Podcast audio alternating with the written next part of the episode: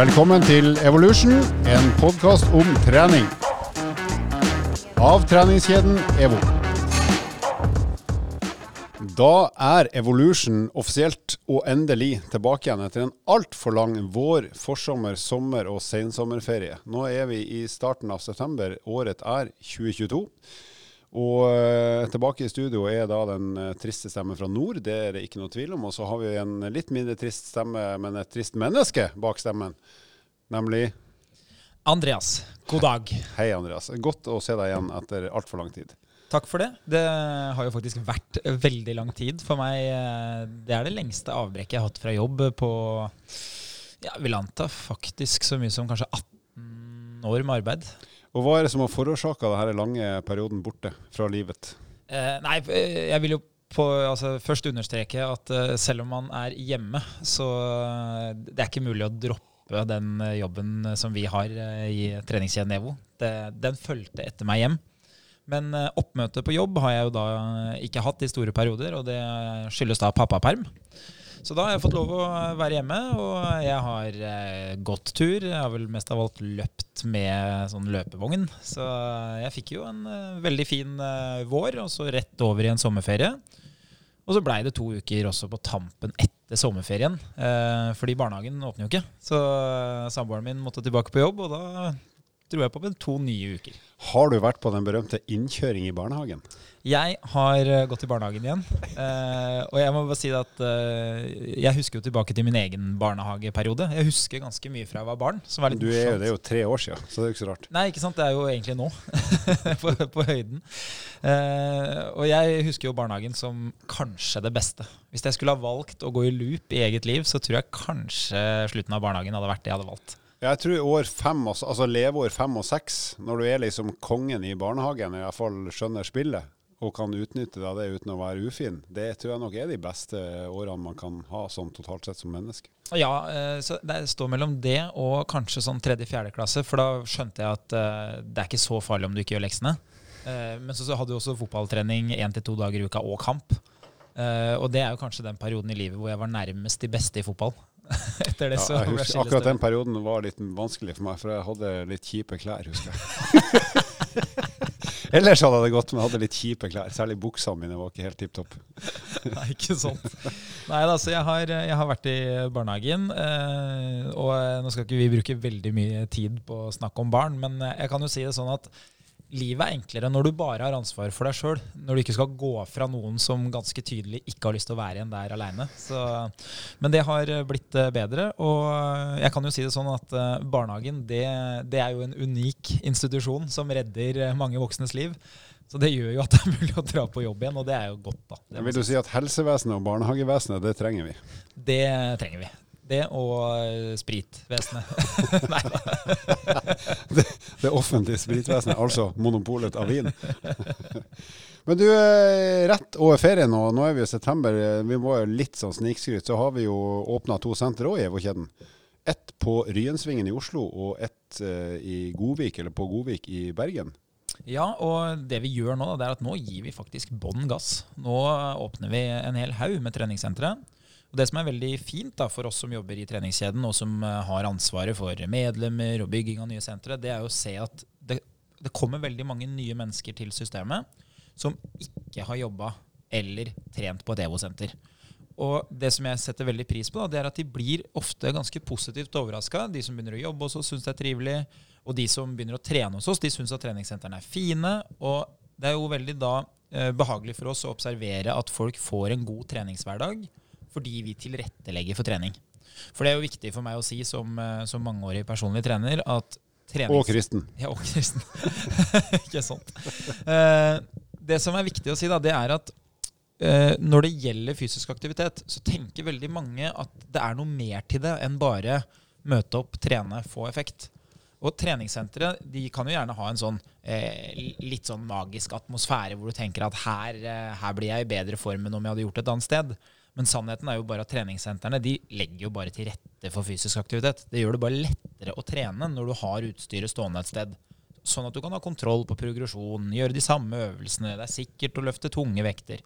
Og det er jo det som er fint å se, at folk går inn og trener på et treningssenter. De har kanskje aldri gjort det før, og så får de god treningseffekt. Så målet mitt er jo ikke å konkurrere om å gå tur, i skogen. Eller, altså, målet mitt er jo bare å sørge for at folk blir i form.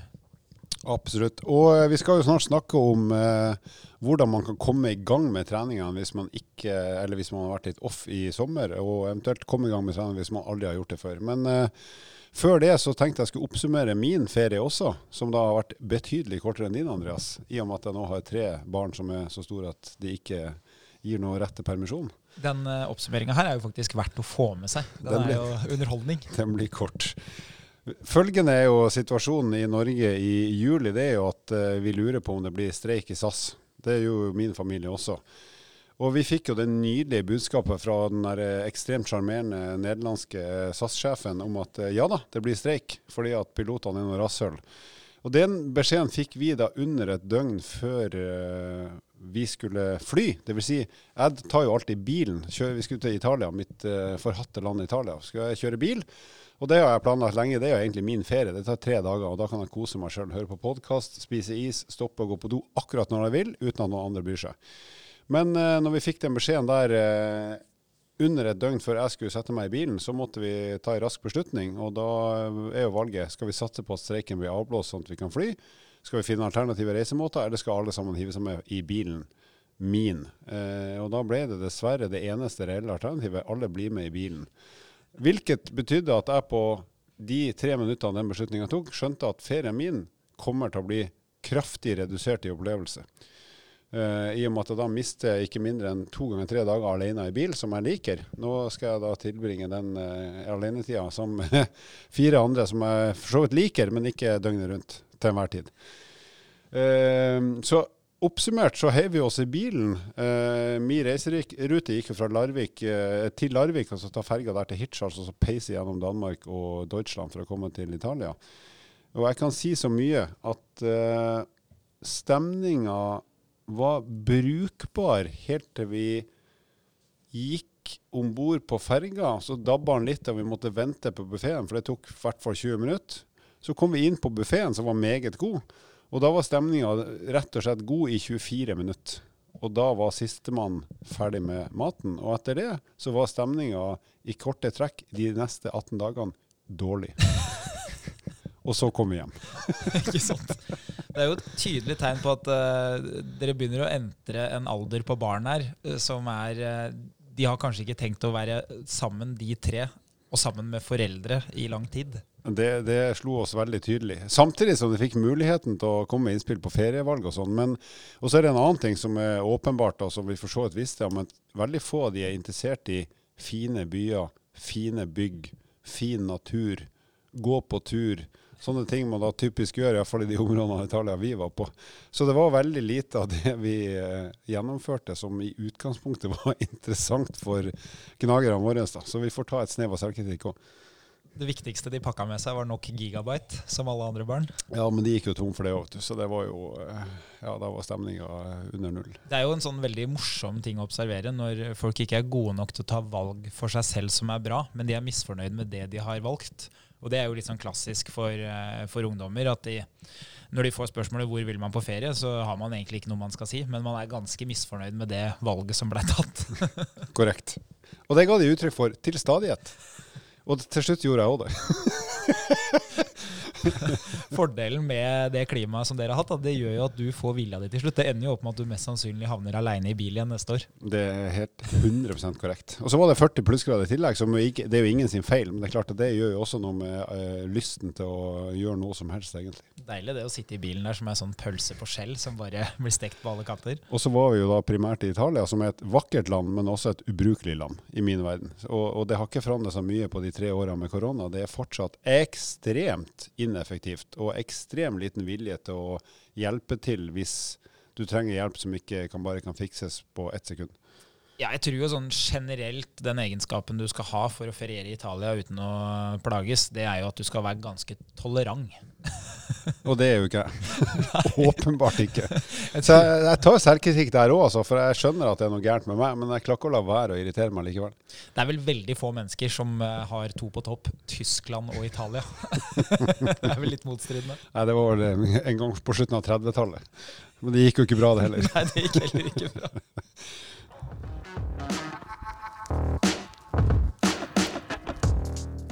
Nok snakk om uh, våre triste ferier, eller i hvert fall min triste ferie og Andreas sin lærerike pappapermisjon, for det er vel det vi eh, får kalle det. Så kan lærerikt være så mye. Ja, jeg var jo for øvrig Jeg var jo i Spania, jeg òg. Det endte jo med sykdom. Ble igjen i fire dager ekstra, for vi kunne ikke fly hjem. Så uh, Spania har jo kommet seg, da. Det er jo ikke spanjolene sin skyld at det er trivelig. Det er jo at det er jo bare nordmenn nedover hele kysten her som har Det er ordentlige folk som har begynt å rydde opp. ja, Skandinavia avdeling sør. Så. Ja, men jeg er faktisk enig. altså Spania har løfta seg mye mer enn Italia i min verden nå. Så jeg kan faktisk trives i Italia på mange plasser. Ikke overalt, men mange plasser. Nei, det er sant. Faktisk. Men nå skal vi snakke om at det er høst, og vi skal snakke om uh, at høst eller sensommer da ofte er en tid, en brytningstid mellom sommerferie, fri og avslapping, og det å komme i gang med hverdagen. Og Vi håper jo at så mange som mulig har aktivitet som en del av sin hverdag, og det vet vi at mange av dere som hører på oss eh, har. Så eh, hvordan skal man komme i gang igjen med rutiner? For nå er det jo sånn at plutselig begynner skole igjen, plutselig er det tilbake igjen på jobb. Alle tingene man har hatt ferie av, begynner jo omtrent i samme uke, altså i slutten av august, sånn for alvor. Eh, så hvordan skal vi komme i gang med også treninga, at ikke den bare blir dytta bort som at nei, det har jeg ikke tid til nå, for det er så mye annet. Eh, vi må prøve å få det inn i livet vårt igjen, sånn at det blir den gode vanen og rutinen som vi trenger for å ha et eh, ålreit liv. Ja, jeg skal ikke bruke opp tida på å skryte UMA av personlig trening, men Uh, hvis man ser bort ifra det at personlig trening er en kommersiell metode å, å, få folk i form, så observerer jeg én ting blant de få kundene som jeg har igjen, som jeg har trent i eh, over ti år. Og det er at de kundene de har et pliktig oppmøte. Eh, for det avtaler vi da enten før eller i løpet av sommeren. Så de er ofte tilbake tidligere enn det den vanlige medlemsmassen på treningssenteret er. For det som har skjedd de siste ti årene, eh, som begge vi har observert, er jo at september har blitt det nye august. Så Før så var folk tilbake gjerne uke før, uke etter skolestart. Men nå er folk tilbake kanskje uke én eller to i september. Så nå bruker man en ekstra måned. Mens de som da har personlig trener, eh, hvis man bruker eksempler på de kundene som jeg har, da, så har jeg nå eh, fire stykker som har trent tre ganger allerede. Og det som skjer da, det er at de er ferdige med den ah, 'kom i gang', eh, og de har kommet tilbake igjen og sett at ja, ja, det var ikke så ille. Og så har de allerede da i uke tre rekket å sett at neimen, formen min har jo blitt bedre her bare på det som jeg har gjort etter sommerferien. Og det er klart at Da er det mye mye lettere å motivere seg for å være fysisk aktiv hele veien inn mot jul. Og Fordelen av å være tidlig ute det er jo at de får jo noen økter nå som er litt sånn sommerværøkter, hvis vi da er ute f.eks. Mens hvis du venter til andre uka i september, så går det jo ganske raskt over til eh, oktober, og da kan det fort bli litt mørkere, litt mer regn, litt kaldere, litt surere. Og da frister det liksom ikke å holde på så mye ute, og da rekker du ikke å få de gode vanene som vil bære deg ganske langt utover høsten. da. Og Apropos det du sier om jul, så får vi vel si at nå, nå må vi tenke litt eh, fram mot jul. at er, nå, nå, snakker vi om at det vi begynner med nå, det skal i hvert fall holde til jul. For da, da er det neste litt sånn større opphold i forhold til fri og ferie. Noen har sikkert høstferie, men den er såpass eh, kort og ofte bare en del av hverdagen. At vi tenker at eh, horisonten nå må være i hvert fall frem til jul. Og, og, det du sier med personlig trening, eh, er jeg jo helt enig i og ser det samme sjøl. Og så har vi litt i samme gata, men uh, ikke helt. Til det å da ha en vennegjeng eller en gjeng eller et lag for den saks skyld som du trener med, som, som, kommer i gang med aktiviteten, og som egentlig gjør at du, siden du er en del av den gjengen, da, det laget eller hva som helst, er jo en del av en sykkelgjeng, at du da egentlig er litt committa til at uh, siden de nå har begynt å trene, og vi sykkelgutter vi begynte jo faktisk tidlig i august, de første av oss, så, så, du, så, har du en forpliktelse, men også noen som står og venter på at du skal være med, fordi at du inngår i ei gruppe som er mer enn bare deg sjøl. Så det er nok smart for de aller fleste som ikke er veldig selvdreven, å ha en eller annen makker, venn, PT eller et lag som, som på en måte ikke tvinger deg, men på en positiv måte får deg til å møte opp og gjøre et eller annet, istedenfor at du kan si til deg sjøl at det passer ikke i dag, så det går bra. Um, det, det, vil være en, eh, en, god variant også, i tillegg til eventuelt å bruke PT. Da. At du har en, en flere enn deg sjøl som, som uh, venter på at du skal være med. Ja, og det ser vi jo at mange av de som er tilbake på trening, de trener jo med noen andre. Så det er jo ikke tilfeldig at det er de vi ser. Fordi da har du jo satt et tidspunkt som er eh, gjeldende for flere enn deg selv, og da blir det jo litt vanskelig å trekke seg. Eh, hvis vi ser litt sånn på kalenderen da, og, og hva man kan eh, forvente seg av oppgave hvis man skal holde seg i gang helt fram til jul, så er det sånn at i morgen, eh, lørdag, så er det faktisk 16 uker til jul. Og, og 16 uker det er egentlig en ganske lang treningsperiode. Eh, det høres veldig kort ut. altså 16 uker kan jo være lenge i, i noen settinger, men, men 16 uker er ikke veldig lenge i treningsøyemed. Eh, Det er en go god bolk, ikke noe mer enn det. Nei, ikke sant? Men fordelen er at for de aller fleste så er det mulig å få til ekstremt mye på 16 uker. Man får jo til veldig mye på 10 uker, så på 16 uker så kan man jo virkelig få det til. Og hvis du begynner å oppsummere hvor mange ganger er det man skal forvente å trene da, i den perioden, så er det jo ikke så veldig mye. Trener du én gang per uke, så blir det jo 16. Trener du to, så blir det 32. Og hvis du drar til å trene tre ganger i uka, si at du fast trener tirsdag-torsdag, og så gjør du noe i helgene, så ender du plutselig på 48 det. Bare for å si det, det har han Andreas regna på kalkulator før han snakka, bare så dere vet det. Eh, Ikke sant? Så jeg slipper å ta det i huet. Faktisk så jeg, jeg var så god til å finne småpenger på butikken da jeg var liten. Så akkurat det med hoderegning med små tall, er du god der, på. der, er jeg, der er jeg god. For da, det er viktig å vite om du kan kjøpe én bugg, to cola, eller om du må kjøpe én cola, kanskje en lefse. Altså det er mange Eller worst case, bare gå i smågodte og satse på at du er pluss-minus 50 øre rett. Ja, og da må du kjøpe de rosa putene, for de veier jo lite og er store. Du må jo ikke finne på å kjøpe noe av det som veier mye og som er lite, for det, det blir jo borte med en gang. Men hvis vi ser på 48, da, ikke sant? det er ikke hinsides. Altså, hvis du lager deg et uh, ark, og så kjører du på med si, 50 ruter, eller noe sånt, da, og så bare krysser du av hver gang du har trent, så vil du ganske kjapt begynne å krysse av mange ruter. Men fordelen av det er at når du når hjul da, og har trent si, opp mot 50 ganger, så kommer du til å være en helt annen form. Og og da, ha- da har du en treningskalender som begynner før julekalenderen, men som går i parallell på slutten. Ikke sant? Og fordelen her er jo at eh, det som er kjipt med høsten, er også det som er bra. Eh, mellom eh, som regel da Kristi himmelfart og eh, første juledag, så er det jo ingen helligdager. Ja, det kan stemme. Så det betyr at alle uker etter sommerferien er helt like. Det er derfor det er veldig veldig lett å planlegge, fordi det skjer ingen verdens ting. Alle ukene er, eh, det er fri i helgene, og så er det vanlige uker. Det kommer en høstferie av og til da, for, eh, for de som er småbarnsforeldre. Men det gjør at du blir ikke tatt av det som ofte er et problem, sånn påske, mai, hvor det plutselig dukker opp tre halve uker isteden. Så hvis du klarer å komme deg til desember, så har du allerede gjort det du trenger. Mm. Og da kan du ta sikte på januar igjen. Og da kan det være lurt, eh, hvis du nå begynner å tenke ja, skal jeg gå for én, to eller tre ganger i uka, det er opp til deg sjøl, men og, og frem mot jul. Og kanskje finne ut av hva er det du kan tenke deg å oppnå på de her eh, 16, 32 eller 48 øktene. Hva er det du har lyst til? Er det å gå ned i vekt? Er det å bli sterkere? Er det å få bedre kondis? Eller er det bare å trene variert og føle seg robust? Men å prøve å prøve Prøv å få lage noen mål, eh, snakk med deg sjøl og finne ut av hva, hva har du lyst til å få ut av de her antall øktene du skal ha frem mot jul, sånn at du har noe som du kan måle deg opp mot og bli helst motivert av for å se at det her går jo i riktig retning frem mot uh, julaften. Eh, Et av de tipsene som jeg gir til kundene mine, som er veldig enkelt, det er at uh, du skal ikke gjøre det samme hver gang. For da, da blir det 48 treningsøkter, som kan være litt vanskelig å, å holde seg motivert til, hvis ikke alle er like morsomme.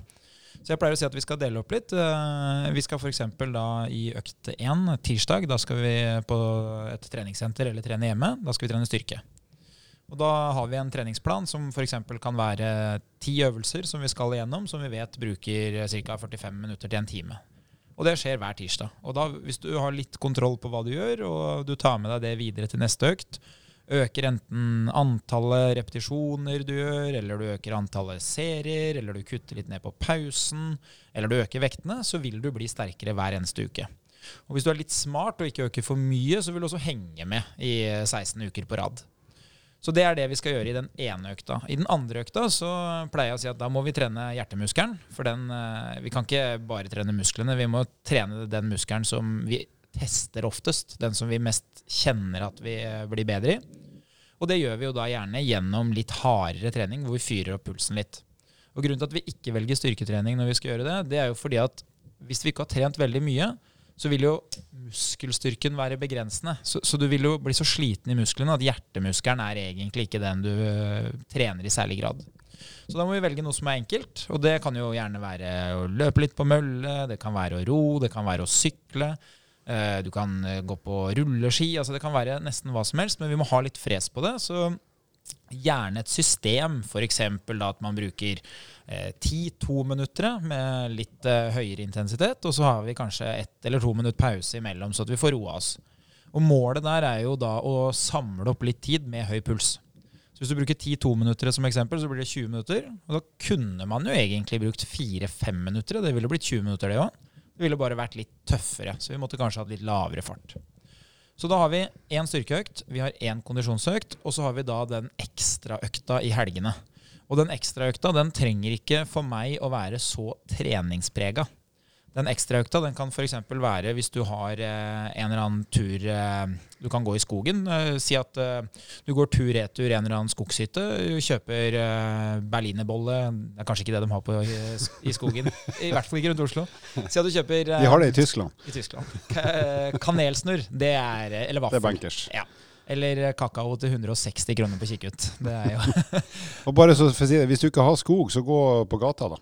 Ja, ja, ja. Til en kafé. Ja, og du kan gå langs sjøen. Altså for meg, eller du kan gå topptur. Du kan gå på vann òg, hvis du er i stand til det. Hvis det er én av, en av seks milliarder. Nei, så Du kan jo gå topptur òg. F.eks. Um, si at du har et eller annet sted i nærheten av deg som eh, ja, Si det tar 30-40 minutter å gå til toppen, og så tar det litt tid å gå ned igjen. Så gjør du det en gang hver helg. Eh, og der kan du gjerne ha med folk. Du kan jo sykle. Du, ta med familien på sykkeltur. Det trenger ikke å være hardt, bare at det er litt lengde på det. Ikke ta med min familie på sykkeltur. Nei, og ikke på kjøretur. Det, det teller ikke. Så, så det er liksom den, den ekstraøkta. Og om du har lyst til å gjøre ekstra styrke, eller om du har lyst til å uh, trene ekstra kondisjon, så er ikke det noe problem hvis den økta kommer i helga. Fordi du vil ha så mange hviledager. Trener du tre ganger i uka, så hviler du jo i fire. Som gjør at du nesten alltid vil være uthvilt. Du, du trenger ikke å passe på hva du gjør da, faktisk. Og den turen eller helgeaktiviteten du snakker nå, det er jo egentlig mest for å holde en fin rytme på kall det aktivitet og treningsmønstre. Så det er som du sier, du må jo ikke ha en veldig strukturert treningsøkt, men da er du liksom i flyten. Og har en sånn nesten annenhver dag-syklus, som jo er superbra hvis man får til det. Ja, og så vil jeg eh, sånn generelt da, hvis man ser litt på, på forskning, så vil det være sånn at hvis du hvis du er alene og du eh, går eller gåjogger til eh, et, en eller annen destinasjon som er et par kilometer unna og tilbake igjen, eh, eller du sykler, så vil det bli sånn at ved at du trener da den systematiske kondisjonsøkta eh, med litt intervallpreg, så vil snittfarta på den rolige økta mest sannsynlig heve seg fra uke til uke. Så du vil egentlig bare få et større og større utbytte av det du gjør som er rolig og føles ut som det samme. Og det som er kult da med den 16-ukersperioden som vi snakker om fram mot jul, er jo at med mindre du er i veldig god form nå, så vil du sannsynligvis oppleve framgang nesten hver eneste uke. Kanskje hver eneste uke fram til og med jul. Det er ikke sånn at du plutselig sier at nå er det bom stopp, nå er formen så god at det ikke blir bedre.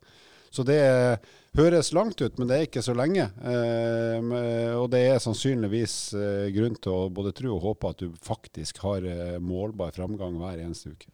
Hvis du skal kombinere da en sånn uh, treningsuke med, med tre valgfrie aktiviteter med noe annet som vil gi deg god effekt, så har jeg et uh, sikkert tips. Uh, det består av to ulike tiltak da, som du må gjøre. Og Det ene det er at du må skille på ukedager og helg.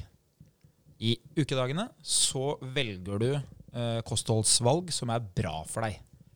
Da eh, spiser du gjerne frokost, eh, du spiser lunsj, du spiser middag, kveldsmat.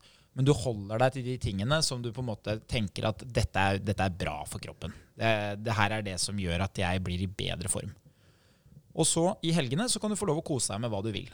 For det som er den store utfordringa til nesten alle jeg har trent som ønsker en vektreduksjon, det er at man har snudd om på det. Man har kanskje to dager i uka som er hverdag, og så har man sklidd litt ut fra helga, så man har gjerne en torsdag, fredag, lørdag, søndag, mandag, helg. Som gjør at de dagene hvor man har kontroll på kostholdet, blir så få sammenligna med de hvor man har litt høyt inntak. Og da blir det vanskelig å, å få et resultat. Så hvis du, hvis du i en periode eh, kanskje reduserer kroppsvekta med bare noen få kilo, så vil du merke det ekstremt godt på den fysiske prestasjonsevnen. Så det, det er det ene valget. Og det andre det er kanskje det aller beste tipset jeg har. Og det er at du kutter ut å drikke mange kalorier. Hvis du da f.eks. velger å eh, drikke svart kaffe istedenfor å eh, hele tida drikke kaffe med masse melk eller fløte, Og uten gluten. Og uten gluten. Hvis du får kaffe uten gluten, kanskje det går an. Eh, og det andre er jo da hvis du drikker veldig mye type juice, brus med sukker eh, Hvis du endrer det, sjokomelk f.eks., til enten en lettere variant eller helst noe uten kalorier, så vil du redusere inntaket av energi så kraftig at du ganske kjapt vil se en effekt av det. Vet du hva som er den beste tørstedrikken i henhold til noen? Solo? Vann. Det er så kjedelig. Da skal dere få mine beste tips, og de er ikke så verst. Nummer én, finn ut hvordan ser uka di ut. Eh, mandag, tirsdag, onsdag, torsdag, fredag, lørdag og søndag. Som Andreas sa, nå er de fleste ukene kliss like fram til jul. Så finn ut hvilke dager og hvilke tidspunkt er det du har grunn til å tro at du har tid til å trene. Og ta utgangspunkt i de først. Eh, sånn at du legger en realistisk plan der du vet at det er plass og tid i livet ditt til å legge inn en treningsøkt på 30-40-50-60 minutter. Det er det ene tipset. Eh, og så er det andre tipset, det er å bruke dødtid. Altså hvis du nå plutselig en dag eh, fikk muligheten en ettermiddag til å Altså du har plutselig to timer som bare ligger der ledig. Vær, vær innstilt på at kanskje jeg skal bruke litt av den tida til å bevege meg, istedenfor å ta det helt med ro og se på skjerm. Så, så, prøv å bruke Det kan være at du har, noen unger som kjører de til trening. Da er det plutselig én time og et kvarter du skal fylle med et eller annet. Skal du stå og drikke kaffe og spise triste kjeks med de andre foreldrene, eller skal du bruke det til å gå ned en tur eller løpe deg en tur eller gjøre noe annet. Så prøv å finne Finn, eh, eller bruk muligheten der det i utgangspunktet er dødtid, der du egentlig bare venter på at noe skal skje, og kanskje ta, ta muligheten til å bruke litt av den tida til til å gjøre noe bevegelse. Og så tror jeg det kan være lurt å ha en sånn backup. Så hvis du har en god oversikt over f.eks. du har to dager i uka du vet at her kan jeg trene, så det vet du at det kommer til å gå uh, stort sett hver eneste gang. Men ha en liten sånn backup i tilfelle den torsdagen du hadde tenkt å trene, nei, det gikk ikke av en eller annen god grunn. Så prøv å se om du kan ha en sånn backup-beredskap der du tar muligheten når den byr seg. F.eks. Uh, på fredag så finner du ut at ah, det er ekstra lang lunsj eller et møte er utsatt. Ok, da bruker jeg den sjansen til å bevege meg. sånn at man, om du ikke skal ha med deg treningstøy til enhver tid, men ha med deg en, et, kanskje noe skotøy og, og, tøy som gjør at du, når du får muligheten, kan kjøre ei lita backup-økt som, som, fyller inn den, eller erstatter den økta du kanskje går glipp av fordi at et eller annet uforutsett har skjedd.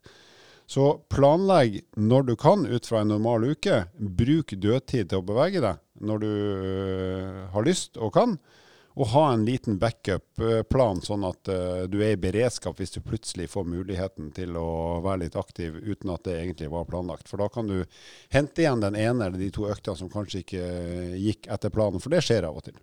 Så det er mine tre relativt gode tips.